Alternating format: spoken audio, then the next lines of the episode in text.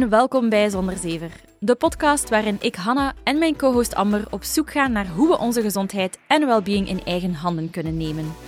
Dat doen we niet alleen. De beste experten staan ons en jullie met raad en daad bij.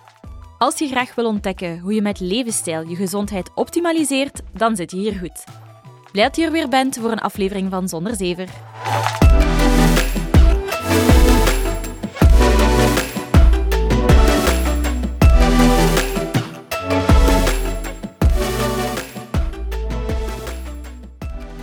Als je graag naar Zonder Zever luistert, daar gaan we even vanuit, anders zaten we hier nu niet, dan wil dat zeggen dat je wel graag mensen hoort babbelen. Ja, en daarbij is het ook wel zo dat we heel vaak auteurs uitnodigen op de podcast om inzichten te delen met ons. En daarom leek het ons ook gepast om een nieuwe partner aan jullie voor te stellen, Storytel. Ja, want Storytel, eigenlijk mixte die het concept van luisteren en boeken bijeen. En wat krijg je dan? een luisterboek, hè? ja, voilà. En dus de kans is eigenlijk heel groot dat Storytel ook echt je ding is. Moest je Storytel nog niet kennen, het is een aanbieder van luisterboeken in het Nederlands ingesproken. En dat gaat heel breed, fictie en non-fictie. Ja, want voordat we in de aflevering over geluk duiken, kunnen we elk misschien een tip meegeven naar de luisteraar Mhm. rond geluk, Amber? Wat is uw tip? Wel, voor mij is vrije tijd creëren een belangrijke factor daarin, maar ik leer tegelijkertijd ook echt heel graag bij. En dan zijn de non-fictieboeken op Storytel enorm waardevol, omdat ik bijvoorbeeld tijdens autoritten, ik zit vaak en lang in de auto, iets kan bijleren, waardoor dat ik dan meer tijd heb. Ja, snap ik volledig. Wat ik ook nog wil meegeven, is dat we vandaag gaan horen dat mindfulness, emotieregulatie en meditatie super hard bijdragen aan onze geluksbeleving. En we weten ook wel dat dat niet simpel is. Maar Storytel heeft echt een zeer groot aanbod aan begeleide meditaties en ik doe daar heel vaak beroep op. Ja, ik ook als ik niet kan slapen bijvoorbeeld. Het is eh, een belangrijke skill en Storytel kan u daarbij ook ondersteunen. Ja, en we gaan u even ook nog een duwtje in de rug geven, want Storytel geeft zonder zeven luisteraars een trial van 30 dagen als je aanmeldt via de link story.tel slash zonderzever. Waar dat je trouwens ook wat van onze favoriete titels gaat terugvinden, zodat je direct aan de slag kunt met de inzichten van deze aflevering. Merci aan Storytel en nu duiken we in de aflevering. We leven in een periode van ongeziene welvaart, comfort en veiligheid en toch zijn we ongelukkiger dan ooit. Er zijn steeds meer mentale problemen, de burn-out rates zijn gigantisch hoog en mensen hebben een gevoel van leegte. Uit verschillende onderzoeken blijkt dat ons geluk niet proportioneel is toegenomen met onze welvaart. Waarom? We hebben het er vandaag over met Michael Vlerik. Michael is assistant professor aan de Universiteit van Tilburg en hij past de evolutietheorie toe op belangrijke thema's, waarvan het laatste geluk was. Hij bracht onlangs een boek uit, Waarom we niet gelukkiger zijn van zelfzuchtige genen naar de kunst van een vrijer leven. Dag Michael, welkom. Hallo, dag Hanne, dag Amber. Hallo, welkom. Ehm, goed. Wat is de grootste zever dat je al hoorde over geluk? Mag ik twee zaken vertellen? Zeker. Allee dan. Hoe meer zeven, hoe beter. Een eerste, waar we ons waarschijnlijk allemaal ooit aan schuldig gemaakt hebben, is de gedachte, ik zal gelukkig zijn als... puntje, puntje, puntje. Dat Mhm. kan je op honderden manieren invullen. Altijd de gedachte dat ons geluk afhangt van iets dat in de toekomst moet gebeuren, iets positiefs, en dat we dan pas echt gelukkig zijn. Dat blijkt een enorm hardnekkige gedachte. Blijkt een gedachte die niet klopt, want als we die als dan binnenrijven, dan blijkt vaak dat we daar in de kortste keer weer aan wennen en niet gelukkiger zijn dan, dan voorheen. En die gedachte houdt ons ook ongelukkig, want we denken, ja, nu kan ik niet helemaal gelukkig zijn, er ontbreekt iets. Dat is een eerste heel belangrijke. Een tweede misschien dat, eh, en ik ben zeker dat we het erover zullen hebben, maar veel van de zaken die aangetoond zijn, die kunnen leiden tot een grotere geluksbeleving, dat mensen daarvan zeggen, ja, dat soort zaken, en ik denk nu bijvoorbeeld in het bijzonder aan meditatie, ja, ik begrijp wel dat dat voor veel mensen kan helpen en ik begrijp wel dat dat goed is, maar ja, ik heb dat een keer geprobeerd en nee, nee voor mij werkt dat niet. Ehm, dus de gedachte van, ja, wat voor de meeste mensen helpt, ik zit anders in elkaar en, en dat zal voor mij niet werken. Heel veel mensen zeggen mij dat en eh, nu, dat, dat kan juist zijn voor mensen met heel bijzondere psychische kwetsbaarheden, voor het, vatbaarheden voor psychose enzovoort, zijn bepaalde vormen van meditatie inderdaad zeker niet aan te raden. En er moet daar heel voorzichtig mee omgesprongen worden. Maar voor de overgrote meerderheid eh, geldt dat niet. Maar vaak denken we dus, ja, voor mij zal dat niet werken. Hmm. Interesting. Waarom Twee is goeie dat, laatste? Dat mensen denken van, voor mij werkt dat niet. Is dat een... een allee, op liefst mogelijke manier, is dat luid? Hmm, ik denk dat het iets anders is. Zeg eens, wat denk jij? Ik denk dat het een soort van defense mechanism is. Hmm. Beetje Van- zelfbescherming. Ja, en zo, zo, zo dat een beetje in de slachtofferrol willen, willen zitten, omdat daar het comfort misschien zit. Wat is uw mening? Ja, ja ik, ik, denk dat het met een aantal zaken te maken heeft. Als we nu op meditatie focussen, is het gewoon, als je dat voor de eerste paar keren zelfs doet, is het heel moeilijk om te zien wat daar precies de uitkomst van kan zijn, hoe dat precies gaat bijdragen. Uitgesteld effect. Ja. Inderdaad, het is een, een sterk uitgesteld effect. En uh, in het begin uh, word je ook geconfronteerd met die zeer chaotische geest. En het is vaak een niet zo aangename ervaring, die, die eerste paar keren mediteren en geconfronteerd worden met die geest. Dus er is een soort weerstandgedrag van, oké, dit voelde niet goed, dus dat is niet voor mij. Nogal snel die, die voorbarige conclusie uh, maken. En ik denk ook wel meer in het algemeen um, focussen we vaak op onze individualiteit en verschillen. En zien we vaak te weinig in hoe gelijkend we als mens allemaal zijn. Um, er zijn uiteraard grote verschillen tussen individuen. We hebben verschillende persoonlijkheden, trekken enzovoort. Maar um, er zijn vooral heel veel gelijkenissen. En zonder die gelijkenissen ja, zou een wetenschap zoals psychologie een onmogelijkheid zijn. En dat is het zeker mm. niet. Ja. ja, ik ging eigenlijk vragen wil dat dan zeggen, of ik ga voorzichtig vragen, of er dan een soort van universeel recept bestaat voor een betere geluksbeleving. Maar ik denk dat we daaraan... Daar dat is de clue van de aflevering, Amber. Inderdaad, inderdaad. Ja, het is zo'n belangrijke. En ik denk, ja, we hebben het allemaal wel eens ervaren, dat we dachten van, ja goed, nu heb ik nog dit en dat en dat, maar eens ik dat zal krijgen, en ik moet zeggen, ook in mijn persoonlijk leven heb ik dat ervaren, ik... Uh, ik dacht altijd van, ja, als, als ik dat ga kunnen doen, dan, dan ga ik echt helemaal gelukkig zijn. En telkens dat die nieuwe wortel, zoals ik het in het boek ook uh, noem, ja, dat die nieuwe wortel binnen is, wen je daar in de kortste keren aan. En dan is het weer uitkijken naar het volgende en het volgende en het volgende. En zo blijven eventueel heel leven lang bezig. Maar echt denken aan dat in die visual van zo'n konijn dat op een loopband staat met zo'n, met zo'n wortel en een hengel. En dat je zo, weet wel, dat je altijd blijft ja. voorthollen naar zo die wortel. Ja, dat je nu over een wortel Ja, inderdaad. Um, ja, interesting. Uw boek is opgedeeld in twee grote delen, mhm. als ik dat mag zeggen. In het eerste deel praat je over de genen en hoe dat zij ons geluk bepalen. Wat hebben onze genen met geluk te maken? Ja, dat is uiteraard een heel belangrijke vraag. En um, onze genen hebben alles met geluk te maken, in die zin, of heel veel met geluk te maken, in die zin dat ze bepalen wat onze fysiologische kenmerken zijn, fysieke kenmerken, en onze mentale kenmerken, onze mentale eigenschappen. En dus, als we dat gaan analyseren vanuit een evolutionair perspectief, van natuurlijk die genen zijn tot stand gekomen door natuurlijke selectie, dan is het duidelijk dat er een aantal mentale kenmerken ingeslopen zijn. Dan spreek ik over alle mensen. De ene al wat meer dan de andere. Er is uiteraard, zoals we al zeiden, wat verschil tussen individuen, maar dat geldt voor zo goed als alle mensen. Dat zijn universeel psychologische kenmerken die ons geluk in de weg staan. Nu, een eerste in de daarvan... Weg staan. In de weg staan. Dus obstakels tot ons geluk. Eigenlijk. In onze genen. Ja, die eigenlijk in onze, zou ik zeggen, genetische programmering. Onze psychologische programmering.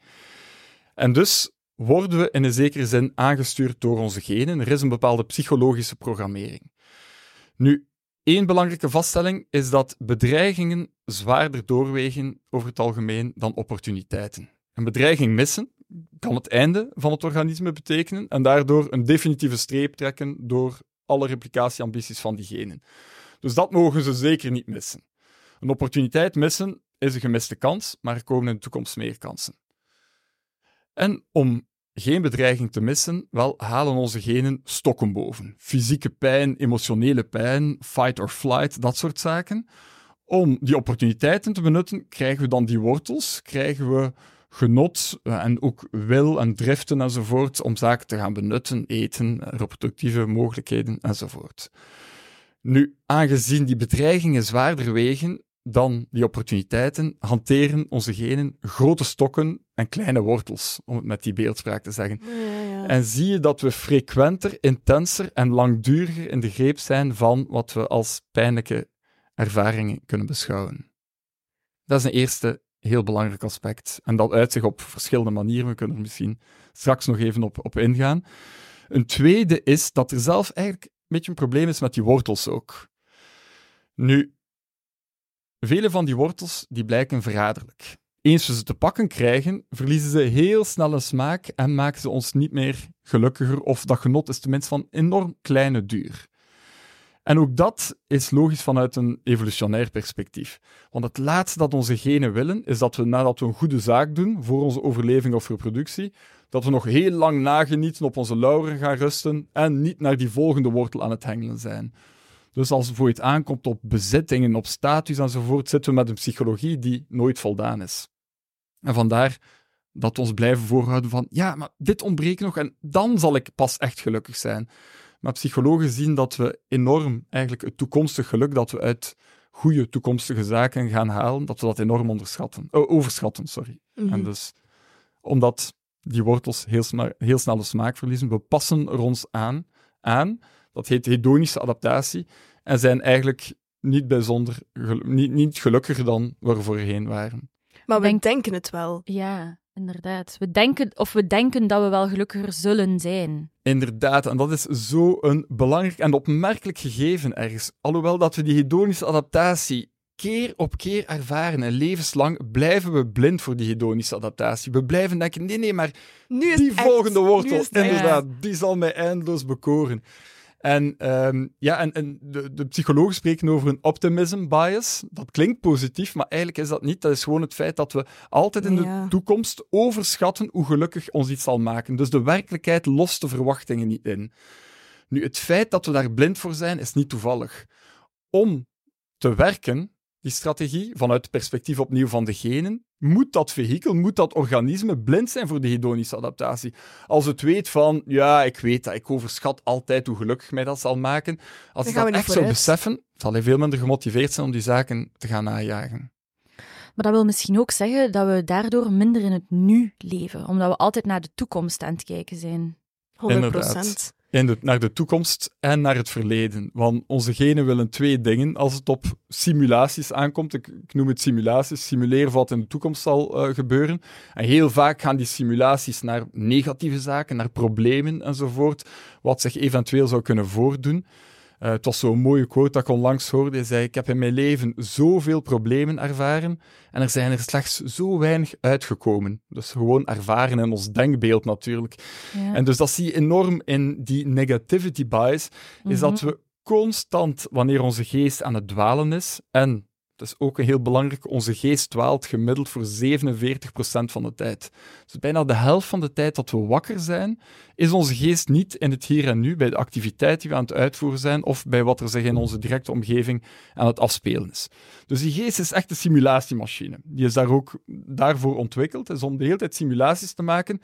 En Ja. simulaties om te beschermen tegen toekomstige problemen en daar allerlei plannen voor te smeden hoe je zou moeten reageren als die problemen zich gaan eh, voordoen. Nu, nu noemen we dat piekeren. Maar ook simulaties naar het verleden. Alle zaken die ooit slecht zijn gelopen voor ons, om die pijnlijke herinneringen heel vaak op te rakelen om toch zeker te leren uit die fouten. Die negativity bias, kun je misschien kort eens uitleggen wat dat specifiek is? Ja, zeker. Dus eh, die negativity bias houdt in dat negatieve zaken meer indruk op ons maken dan positieve zaken. We herinneren ze ook veel langer en de psychologische impact die we ervan ervaren is groter. Dus een negatieve psychologische impact is groter dan een positieve psychologische impact als goede zaken gebeuren. Zijn we veel sneller vergeten. Veel sneller vergeten en ze maken een minder grote indruk op ons ook. Ja. Dus we hebben er een minder grote emotionele respons op, over het algemeen. Met andere woorden, bijvoorbeeld, er mag 15 man zeggen goed gedaan. En Ja. één iemand zeggen, nou, het was toch niet helemaal mijn ding. Dat is hetgene dat je gaat herinneren. En dat it makes sense vanuit een genetisch evolutionair perspectief. Omdat dat dan... Ik ben, probeer het te begrijpen. Inderdaad, omdat het een, ja, helemaal juist. een, een evolutionair voordeel is om het potentiële gevaar te zien. Ja. Maar dat is juist het ding, denk ik, dat vanuit een evolutionair perspectief ben ik volledig mee. Maar we zitten in een maatschappij die ja, een beetje disproportioneel meeloopt met onze evolutie, waardoor dat we eigenlijk volgens mij heel veel van die, meer dan dat eigenlijk de bedoeling is. We komen veel in aanraking met negatieve, Ja, ja. eh, nee? negatief nieuws bijvoorbeeld. Zeer zeker. Ja, veel meer dan vroeger. Toch? En ja. Ja. inderdaad, veel meer dan vroeger. En nu moet je ook zo zien dat heel veel van de bedreigingen die nu op onze radar verschijnen, dat dat niet meer echt zo acute, levensbedreigende zaken zijn. Oh ja. En dat is ook door het feit dat we gewoon gewend zijn aan onze situaties en dat we zo'n hyperactieve bedreigingsradar hebben, die bij gebrek aan echte bedreiging gewoon meer en meer gaat inzoomen. En van eerste wereldproblemen, ja, problemen met een gigantische, uh, van gigantische proportie gaat maken. Oh, dat is wel interessant. Ik vind dat wel een belangrijke om te beseffen, om nog even over dat ding van ik ben gelukkig als dan. Mhm. Ja, dat, dat, dat daar heel veel industrieën op inspelen. Beauty-industrie, fashion-industrie, mm. eender wat, sociale media, the fear of missing out. Nieuws. Alles. Nieuws. Nieuwsmedia, die teren op die, de principes dat jij nu net hebt uitgelegd. Nee, inderdaad. Het is een heel, heel belangrijk ding, ding om dat te beseffen al in de eerste plaats, denk ik. Ja, mhm. Ik kom misschien heel snel nog inpikken over media, want daarover gebabbeld uh, voordat we uh, begonnen zijn aan de aflevering. Um, ja, die weten echt wel waar dat mensen op klikken, hè? Ja, inderdaad. En uh, waar mensen op klikken is dus negatief nieuws. En dat, dat is door die neg negativity bias. We herinneren het ons niet enkel beter, het maakt niet enkel een grotere indruk. Het is ook enkel daar dat we echt naar op zoek gaan. We gaan op zoek naar mogelijke bedreigingen. Opnieuw evolutionair, heel logisch. We moesten al die bedreigingen zo goed mogelijk in kaart brengen. Dat was belangrijk voor de overleving en, en, en voor de reproductie. Nu, in een wereld zoals vandaag krijgen we niet enkel de bedreiging in onze onmiddellijke omgeving. We krijgen ze op een mondiale schaal. Uiteraard, de mhm, oorlog mhm. nu in, in, Gaza, in Oekraïne enzovoort, komt dagelijks op het nieuws. En ik zeg uiteraard niet dat dat moet verzwegen worden. Integendeel, het zijn belangrijke problemen en die moeten aangekaart worden. Maar het waakt wel een enorme indruk op ons brein. En um, we worden overspoeld met negatief nieuws. Mensen, en daarin zie je ook heel duidelijk die negativity bias, hebben ook een veel te pessimistisch beeld van de wereld. Er is een interessant boek daarover geschreven, Hans Rosling. En die begint zo met een quiz en die heeft dan twintig vragen. En hij zegt, kijk, mensen uh, scoren slechter dan chimpansees op die quiz. Waarom? Omdat wij chronisch eigenlijk, of, of systematisch, te pessimistisch gaan inschatten. Dan heeft hij vragen van hoeveel procent van de mensheid denk je dat er in uh, armoede leeft enzovoort. En, en, je krijgt verschillende keuzes en over de trends. Sorry, welk boek is dat? Factfulness. Of uh, in Nederlands denk ik feitenkennis. Feitenkennis, ja. oké. En, um, ja, en daar zie je dus dat, dat we met een veel te negatief beeld uh, van de wereld opgezadeld zijn. En dat komt... Maar het wordt ons ook gevoed, ja, hè? inderdaad. Het wordt ons, heel, het wordt ons volledig gevoed. En die, dat positief nieuws wordt ons niet zoveel gevoed. Wel, één iets speelt daar ook een rol in. Dat is, als zaken slecht gaan, dan gaat het vaak heel snel brusk slecht. Een oorlog breekt uit, een aardbeving, een tsunami, dat soort zaken. Dat gebeurt in een dag zaken die goed gaan, die vooruitgang, dat is een heel gradueel iets. Dus wanneer ga je daarover berichten? Bijvoorbeeld in 1902, of ja, in begin in de jaren 1980, denk ik, leefde 45% van de wereldbevolking in extreme armoede. Uh, vandaag is dat, denk ik, rond de 8%, zelfs ietsje onder de 8 gezakt. Het is een enorme vooruitgang in die, in die 40, 45 jaar. Ondanks een enorm toegenomen wereldbevolking ook. Dat is eigenlijk een fenomenale evolutie. Maar wanneer staat dat ooit in de krant? Welke dag staat de journalist op en zegt van nu is het moment aangebroken om, om dat in, in, in kaart te brengen of om daarover te schrijven? Dat is nooit nieuws. Als er plots hongersnood uitbreekt in een of andere regio, dan is dat uiteraard wel nieuws. Dat is... In uw boek zegt je ook van um, dat die constante stroom aan alarmistisch nieuws, dat dat ook voor stressstoornissen en depressies ja, kan inderdaad. zorgen. Ja, dus uh, dat wordt meer en meer gelinkt. Ja, omdat dat dus die, die enorme negativiteit, dat, dat vervult ons natuurlijk met angst, met, met cortisol dan, dat is ons typisch stresshormoon. En eh, op die manier wordt dat ook uh, door, door psychologen goed in kaart gebracht, is van uh, mensen die dan even helemaal een newsfast of zo doen en, en geen nieuws meer consumeren, uh, dat, uh, dat dat vaak ook tot verbetering leidt uh, voor, zulke, mm. voor dergelijke symptomen. Ja. Je hebt ook al optimism bias aangehaald. Um, hoe werkt dat dan en welke invloed heeft dat? Is dat dan echt die als dan? Nee, dat is nog iets anders. Ja, wel voor een deel hoor. Uh, het is gewoon op een andere manier bekeken. Het is uh, het feit dat we, toekomstige, dat we het geluk dat ze zullen halen uit toekomstige goede zaken, dat we dat overschatten. Dus eigenlijk gaat het over het feit dat de werkelijkheid de verwachtingen niet echt inlost. We denken van, ja, maar als ik die promotie zal krijgen op mijn werk, ja, daar zal ik zeer lang, zeer intens van genieten, heel gelukkig van worden blijkt dat als het dan effectief zo is, dat dat ons een stuk minder gelukkig maakt. Dus het klinkt als iets positiefs. Oké, we hebben ook een optimism bias. En het klinkt misschien wat tegenstrijdig met die negativity bias. maar eigenlijk is het niet zo'n positief iets.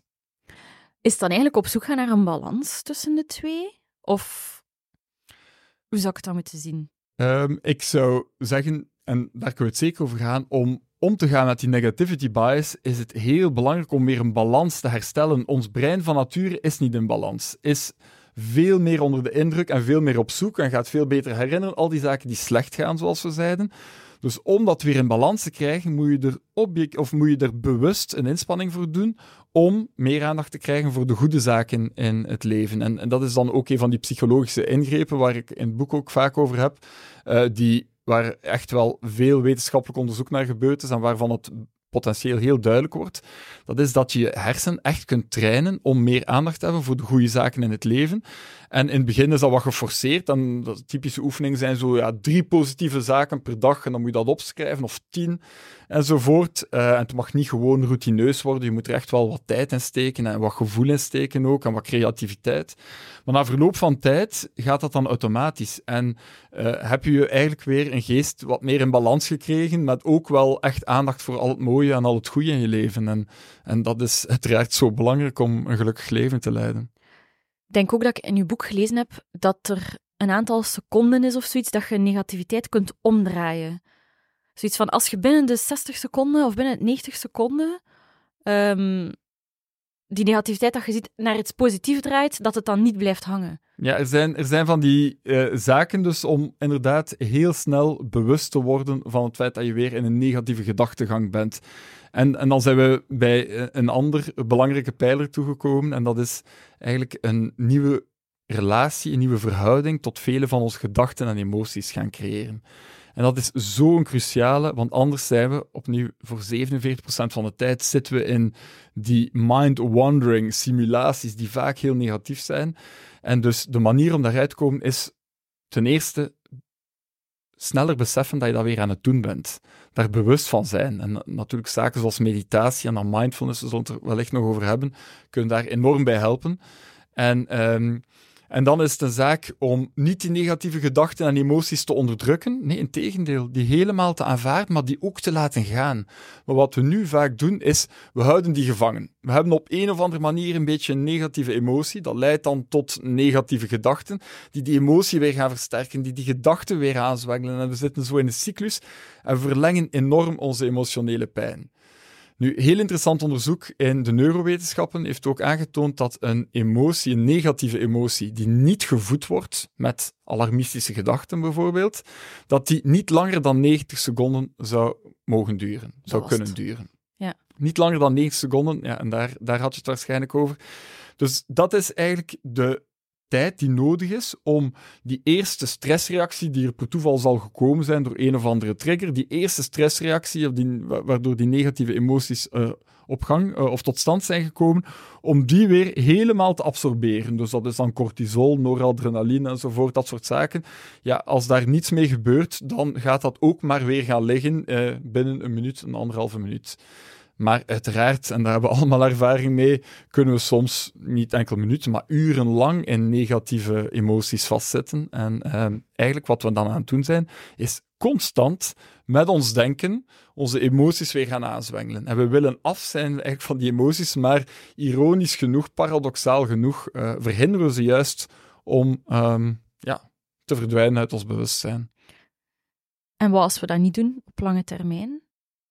Wat ah. gebeurt er dan? Als we dat niet doen, dan, uh, ja, dan creëren we een ervaring van de wereld waarin die nazinderende stokken, zoals ik ze heet, die, die, die negatieve emoties die ons zo in de greep kunnen hebben, minder en minder greep op ons hebben. En uh, dan bevrijden we ons van een heel groot deel van onze emotionele pijn. Dat is wel gek, hè?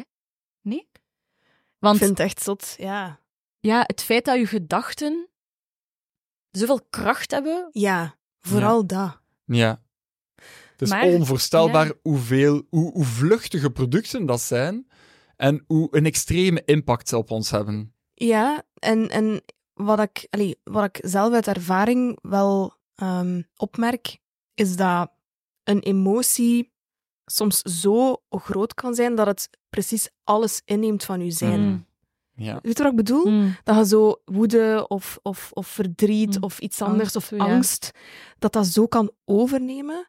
En dan begint dat. Inderdaad. dat treintje. inderdaad. Ja, En- en, Ja, ik weet niet. Het is zo precies van, oké, het erkennen dat het een emotie is en dat het een product is dat eigenlijk na 90 seconden zou weer moeten gaan weggaan.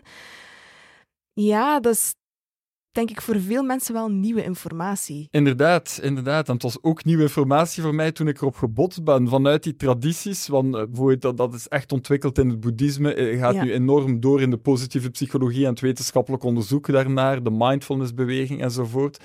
En het is echt wel een paradigma-shift. En eens dat je jezelf die paradigma-shift eigen maakt en, en, en daar ook de gewoonte creëert om dat zo te zien, eh, ja, dan verander je leven ingrijpend in, in de positieve zin. Dat kan ik, eh, dat kan ik zeker bevestigen. En eh, ik denk wel dat dat ook heel hoopvol is, want we, hebben Ja? vaak, we, we zijn vaak het slachtoffer van die emoties en we voelen alsof we daar, daar, we daar helemaal ja, eigenlijk niets aan kunnen doen. En, ehm, en, en zoals je zei, het grote probleem is dat we daar helemaal door overgenomen worden. We eigenlijk we identificeren met die emoties. Ja.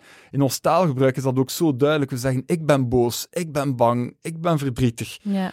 Maar eigenlijk is dat een absurditeit om te zeggen, ik ben die emotie. Nee, je kan zeggen, voel. ik voel angst, ik voel verdriet, ik voel woede enzovoort. En dat is een veel juistere manier om dat te zien.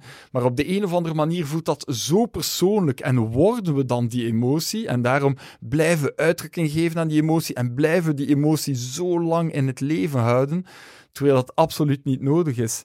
En dus een van, eh, of de strategie om ons daarvan te bevrijden, is dus die andere verhouding daarmee ontwikkelen en daar gewoon niet mee gaan identificeren. Ja. Dat volledig te aanvaarden, die emotie voelen opkomen, je kan die emotie benoemen en dan ga je met je aandacht uit die gedachtenstroom en gewoon bij dat, die fysieke sensatie en dan zie je hoe dat die verandert en uiteindelijk ook weer weg hebt. En als je zelfs op zo'n manier verhoudt tot die emoties, dan kom je ook wel tot het besluit van, ja, zo onaangenaam is dat zelfs niet. Dat zijn dan trillingen, dat is energie op bepaalde manieren. Het is ook normaal, hè? Het is normaal dat je bepaalde dingen voelt, hè? dat je bepaalde emoties voelt. Maar er is een verschil tussen die voelen en ik ben. Ik ben zo, ik ga niet veranderen, ik ben. Inderdaad. Dat is echt een Ja, grote en- mindset shift. Ja, de, de fysieke sensatie van de emotie is het probleem niet. Het is die mentale reactie daarop die dat in stand houdt en die ons gevangen houdt. Uiteindelijk, een emotie bestaat uit twee zaken. Enerzijds is er iets fysiek aan het gebeuren.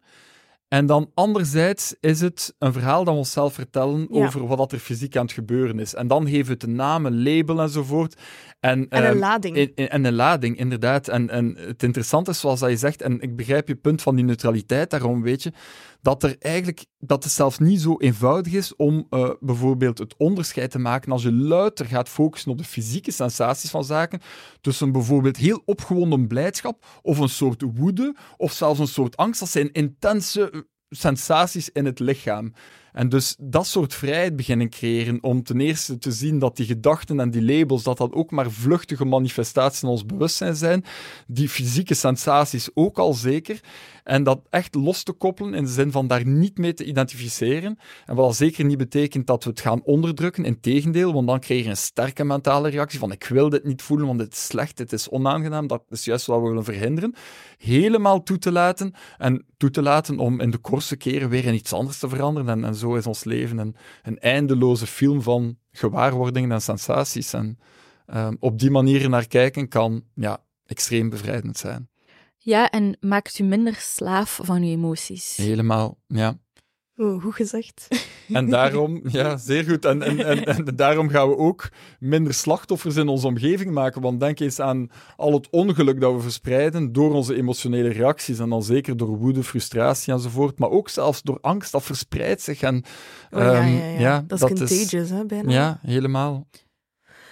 Ik wou nog, voordat we misschien... Ja, nee, ik wou nog één ding aanhalen over zo dat als dan. Ehm, Het is uw ding. het is mijn ding, ja, maar het is omdat ik er heel hard mee identificeer. En ik denk heel veel mensen die luisteren misschien ook. Maar ehm, er is een heel belangrijk stofje, denk ik, daarvoor. Of je gaat zeggen, nee, nee, nee, dat is totaal niet waar. Dopamine. Inderdaad. Is dat Mhm. het, het, het, het triggerende mechanisme dat daarachter zit? Ja, voor een heel groot deel. Dus um, dopamine is uh, een neurotransmitter. En um, dopamine doet een aantal zaken. Zorgt ook bijvoorbeeld, heeft een rol in uh, het geheugen en zo. En, en dat is bijzonder complex hoe die neurotransmitters werkt. Het, beeld dat ik er hier en ook in het boek van ophang, is wat verengd en gesimplifieerd, maar over dus wat relevant is voor geluk en, en hoe we ons voelen. Nu, dopamine, dat geeft ons een opgewonden blijdschap, uh, een beetje een euforisch gevoel. Uh, en is eigenlijk, ik noem het ons uh, ik wil hormoon of ik wil neurotransmitter. Het is de motivatie echt. Het geeft ons die motivatie, dus het is bij uitstek die wortel die voor ons neus gehangen wordt.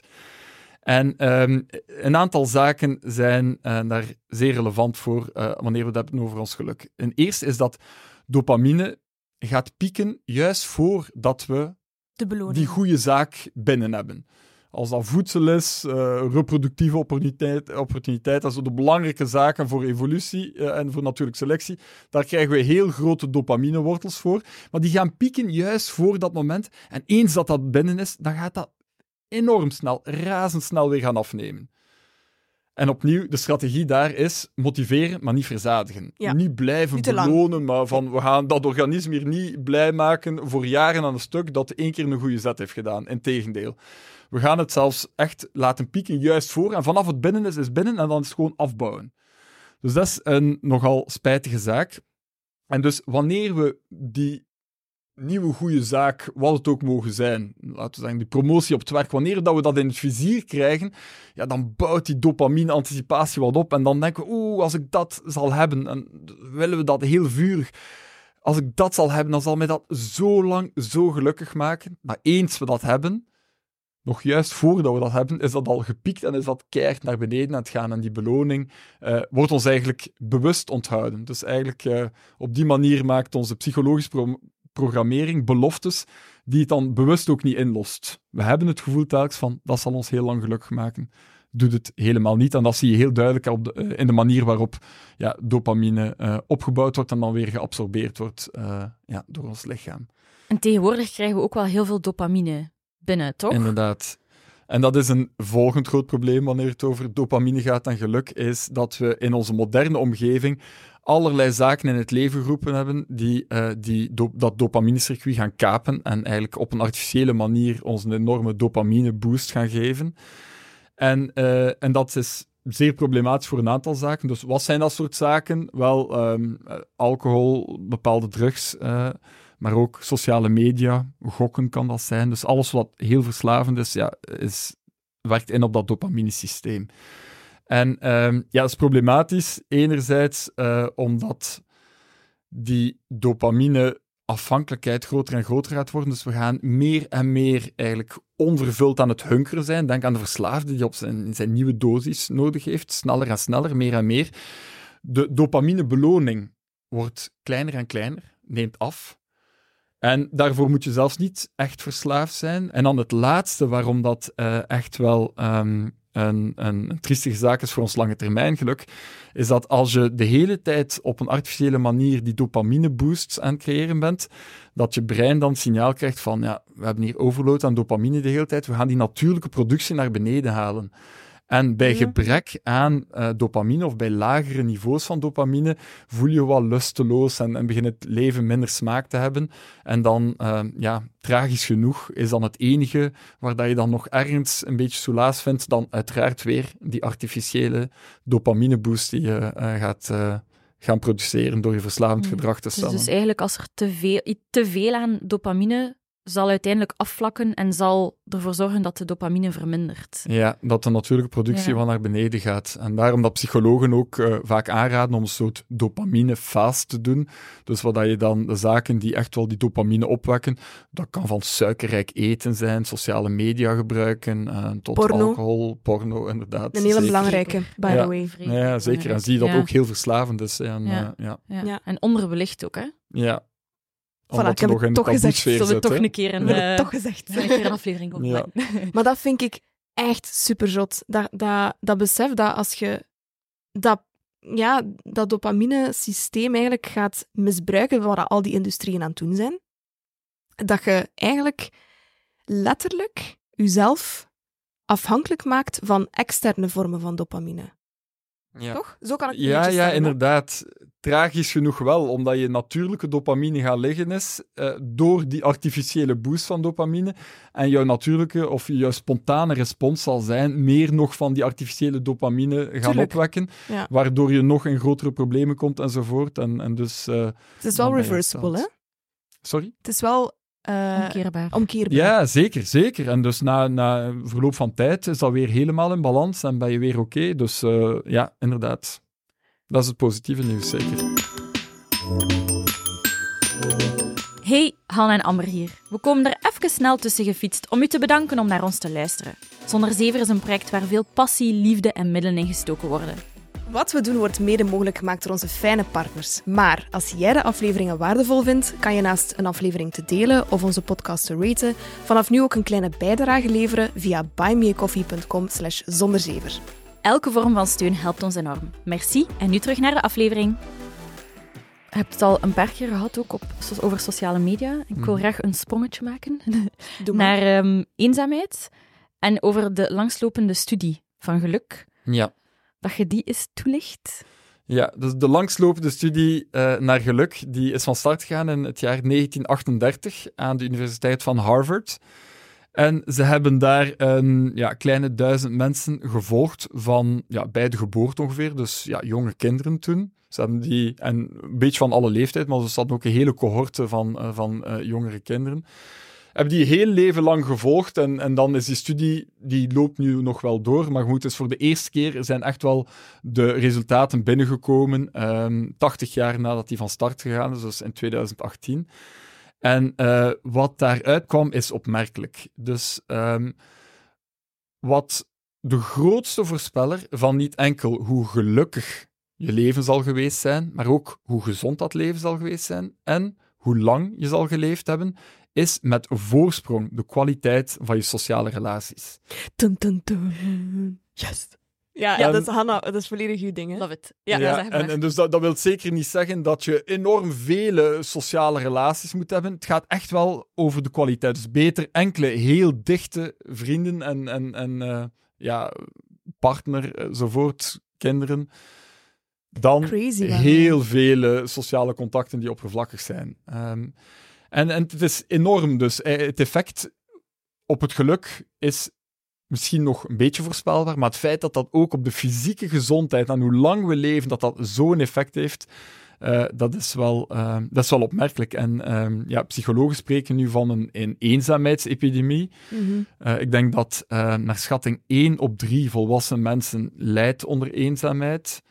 Dus dat is reusachtig, dat cijfer. Um, en je ziet dat uiteraard dat een enorme domper is op een geluk, maar dat dat ook wel uh, hun levens verkort en zieker maakt. Want um, opnieuw, je kan de evolutionaire analyse daarvan geven. Wanneer we sociaal geïsoleerd zijn, dat was vroeger een doodvonnis. Dus onze genetische programmering gaat alle stokken die het voorhanden heeft, gaan loslaten om dat te verhinderen. Dus als we in sociale isolatie zitten, dan zie je ook dat we chronisch gestresseerd zijn, dat die cortisolproductie enorm naar boven gaat. En uh, ja, chronische stress is, is dodelijk en, verkort onze levens. En, uh, en dus is het, uh, ja, het is, het is een rampzalig iets in onze moderne tijd, dat aspect. En dat heeft veel ook te maken met het feit, opnieuw, dat we met oermensbreinen in een totaal andere wereld terechtgekomen zijn.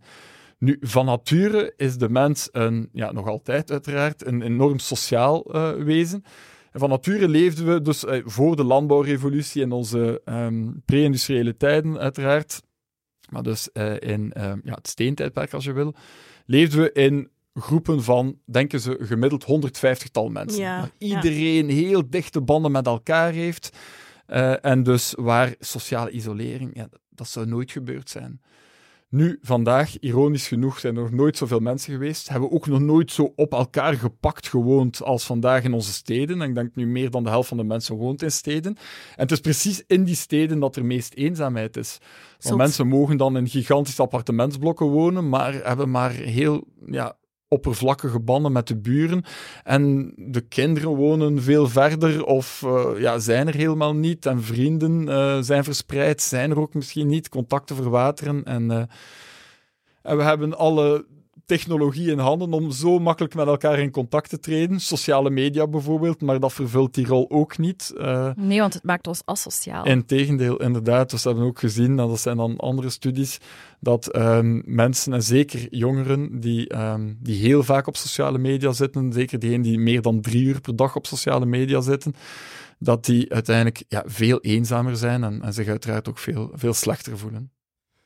Ik vind dat wel frappant, want ja, er is duidelijk meer een beweging naar individualisering, terwijl dat we net die samenhorigheid en die diepe connecties nodig hebben.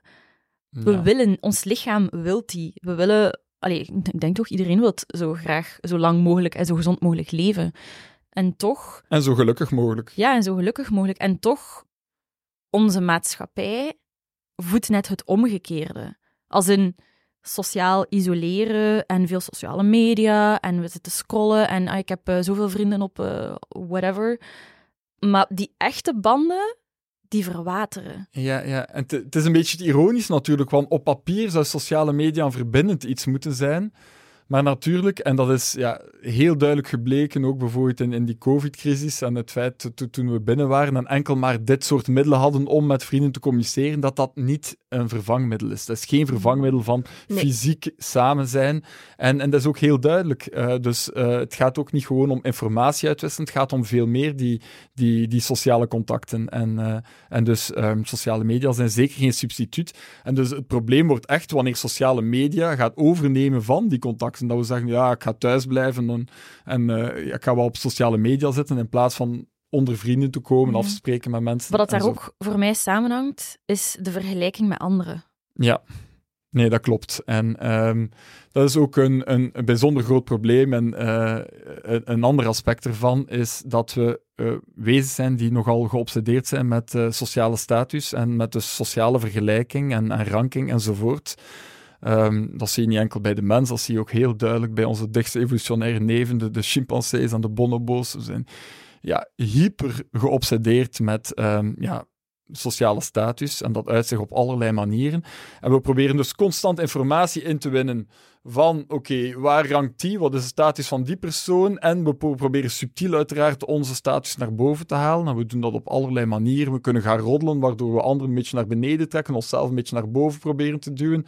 Um, en uiteraard gebruiken we ook sociale media om onze status op te krikken. We gaan daar niet over onze grote mislukkingen schrijven of uh, posten. We gaan dat doen over onze grote succesmomenten. En dan gaan we het nog een keer extra mooi in kaart brengen enzovoort. En dus um, wat er gebeurt uh, voor ja, wezens die geobsedeerd zijn met die sociale status en dus die, die informatie gaan inwinnen op sociale media. Ten eerste, de groep van mensen met wie vergeleken wordt, wordt zoveel groter. Omdat je vroeger enkel maar ja, een kleine groep leeftijdsgenoten rond jou zou gehad hebben. En iedereen zou wel zijn talenten wat gehad hebben. En iedereen heeft wel zijn goede kanten en kan daarom fier op zichzelf of blij met zichzelf zijn, voor, voor een deel toch. Um, ja, is dat nu al een stuk moeilijker. En uh, de informatie die je dan krijgt, is niet van mensen die je dagdagelijks in alle omstandigheden ziet, maar mensen die je met moeite nog ziet, maar dat je enkel maar dan een ja, heel gecureerde post ziet van een of andere exploot van die persoon. En uh, uiteraard geeft dat dan een gevoel van, oh, wauw, ik sta nergens. En, uh, en, en, mensen, het is ook heel duidelijk aangetoond, opnieuw meer nog bij jongeren, ook ietsje meer nog zelfs bij meisjes dan bij jongens, maar dat mhm. dat enorm leidt tot uh, um, ja, problemen met zelfbeeld enzovoort. Ja. Of mensen die je nooit in je leven jamais gaat ontmoeten. Ja, ook al. Ja, wat en daar zit je mee aan het vergelijken. Maar, en dat is logisch, hè? We, ja. we, we, doen het omdat dat waarschijnlijk evolutionair ja, is. Ja, inderdaad. Maar je gaat die nooit ontmoeten. En je bent u daarmee aan het vergelijken en je hangt daar je geluk van af. Versus ja. uw, dichtst, uw dichtste mensen. Inderdaad, het gras is nog nooit zo groen geweest aan de overkant. Nee. En, uh, ja. ja, dat is wel goed ja. gezegd. Het onderzoek naar mensen die bijzonder succesvol zijn, toont aan dat ze zelfs niet gemiddeld, dat ze gemiddeld geluk halen, zijn er vaak wat onder, omdat ze afzien van veel verslavingen, depressies enzovoort. Dus het idee dat dat ons gelukkig zal maken. Ik zal gelukkig zijn als ik een fenomena fenomenale droom verwezenlijk. Ja, dat is echt wel um, ontkracht door, uh, door het onderzoek. Mm -hmm. Mensen zijn niet meer uh, dan gemiddeld gelukkig. Ja, Terwijl is... ze ja, alle redenen uiteraard uh, toe hebben, moesten externe factoren gelukkig maken, maar dus dat blijkt heel weinig impact te hebben. Nu, van die uh, lotto-winnaars, uh, een van de meest spraakmakende onderzoeken naar um, hedonische adaptatie, dus het feit dat we wennen aan verbeterde omstandigheden, uh, dat werd gedaan, denk in jaren, eind jaren 70, dus is, is wel al wat uit en hebben ze wel eens gerepliceerd enzovoort. En wat ze daar deden was nogal extreem. En als je nooit van hedonische adaptatie hebt gehoord, dan, dan lijkt de onderzoeksvraag bijna absurd. Ze vroegen zich af van Um, ja, zouden lotto-winnaars op lange termijn gelukkiger zijn dan mensen die verlamd uit een ongeval komen en voor de rest van hun leven in een rolstoel zitten? Nu, hmm. ze gingen die twee groepen uh, dus volgen, over de volgende zes maanden, een geluksniveau uh, bekijken. En ze zagen dat het geluksniveau van de lotto-winnaars uh, gemiddeld weer terug bij af was. Niet gelukkiger ook dan mensen die de lotto niet hadden gewonnen. Dus razendsnel wennen aan die verbeterde omstandigheden. Dat is één. Maar, en dat is dan de heel positieve kant van uh, hedonische adaptatie, is dat degenen die dus in een ja, zwaar ongeval waren geraakt, verlamd door het leven moeten, dus een enorme crisis, dat die ook opmerkelijk snel weer terug zo goed als aan een uitgeluksniveau zaten. Dus ook daaraan wennen we. En uh, het, het, heeft zelfs een beetje een pervers effect, want die lotto-winnaars hadden na die zes maanden, toen dat ze weer terug waren bij een oorspronkelijk geluksniveau, hadden zo het gevoel van, wow, dat heeft echt wel de belofte niet ingelost. En ook anderzijds, het leven verbleekte een beetje in contrast met die fenomenale rush die ze hebben meegemaakt met het winnen van die lotto. Dus ze noemen dat contrasteffect. Het in, in, in dat contrast was, begon het leven een beetje fade te lijken. En daar, daar klaagden ze vaak van. Terwijl de mensen die verland waren geworden, waren verbaasd over hoe psychologisch weerbaar ze waren geweest. En komen er vaak ook met, eh, met een soort um, ja, nieuw perspectief op het leven, op wat echt belangrijk in het leven is enzovoort. In psychologie hebben ze het ook vaak over post-traumatic growth. Niet enkel stress disorder, maar dus ook ja, uh, een soort persoonlijke groei door trauma's enzovoort. En, en, en um, ja, veel daarvan uh, gaven, daar, um, ja, gaven daar uiting aan. En, en hadden dus ergens ja, van een heel slechte situatie het beste gemaakt en, en waren daarom wel tevreden. Ik vind dat wel super mooi, want dat, toont hoeveel impact dat je er wel op kunt hebben. Ja. Negatief ook, maar ook heel veel positieve impact. Dat je echt wel veel kunt doen om zelf gelukkiger te zijn en gelukkig te zijn en te blijven, ook al het leven is met ups en downs. Ja, inderdaad, inderdaad. En het is ook zo belangrijk om te zien dat op lange termijn, en nu spreek ik uiteraard voor een groep bevoorrechte mensen waar ik zelf toe behoor, die niet met, met armoede doen omgaan, die uh, geen last hebben van uh, veiligheidsissues die, ja, enzovoort. Dus als die basisnoden uh, niet verlenigd zijn, niet gelenigd zijn enzovoort, dan is dat uiteraard de eerste prioriteit. En anders kan je nog niet aan, aan volgende dingen toekomen. En onderzoek toont ook zeer duidelijk aan, wat we hadden het al reeds over, dat met toegenomen welvaart en veiligheid enzovoort en, en, en betere levensomstandigheden, dat het geluk wel wat meestijgt, maar veel minder dan we zouden verwachten en zeker dan we zouden hopen. En dat heeft alles te maken met dat brein dat in de kortste keren weer wendt aan die verbeterde omstandigheden. En dat is ja, de cruciale les. En dat is ook wat al lang geweten is, wat in de Stoïcijnse traditie werd gezegd, in de Boeddhistische traditie en andere levensbeschouwelijke strekking. En dat vandaag zo duidelijk uit het onderzoek naar geluk komt, is dat we enorm overschatten wat eh, voor impact externe elementen op ons geluk hebben. Zowel negatief als positief. En dus wat er gebeurt is eigenlijk, we zitten op een redelijk stabiel geluksniveau. En als de zaken meezitten, dan gaan we daar even bovenuit zweven.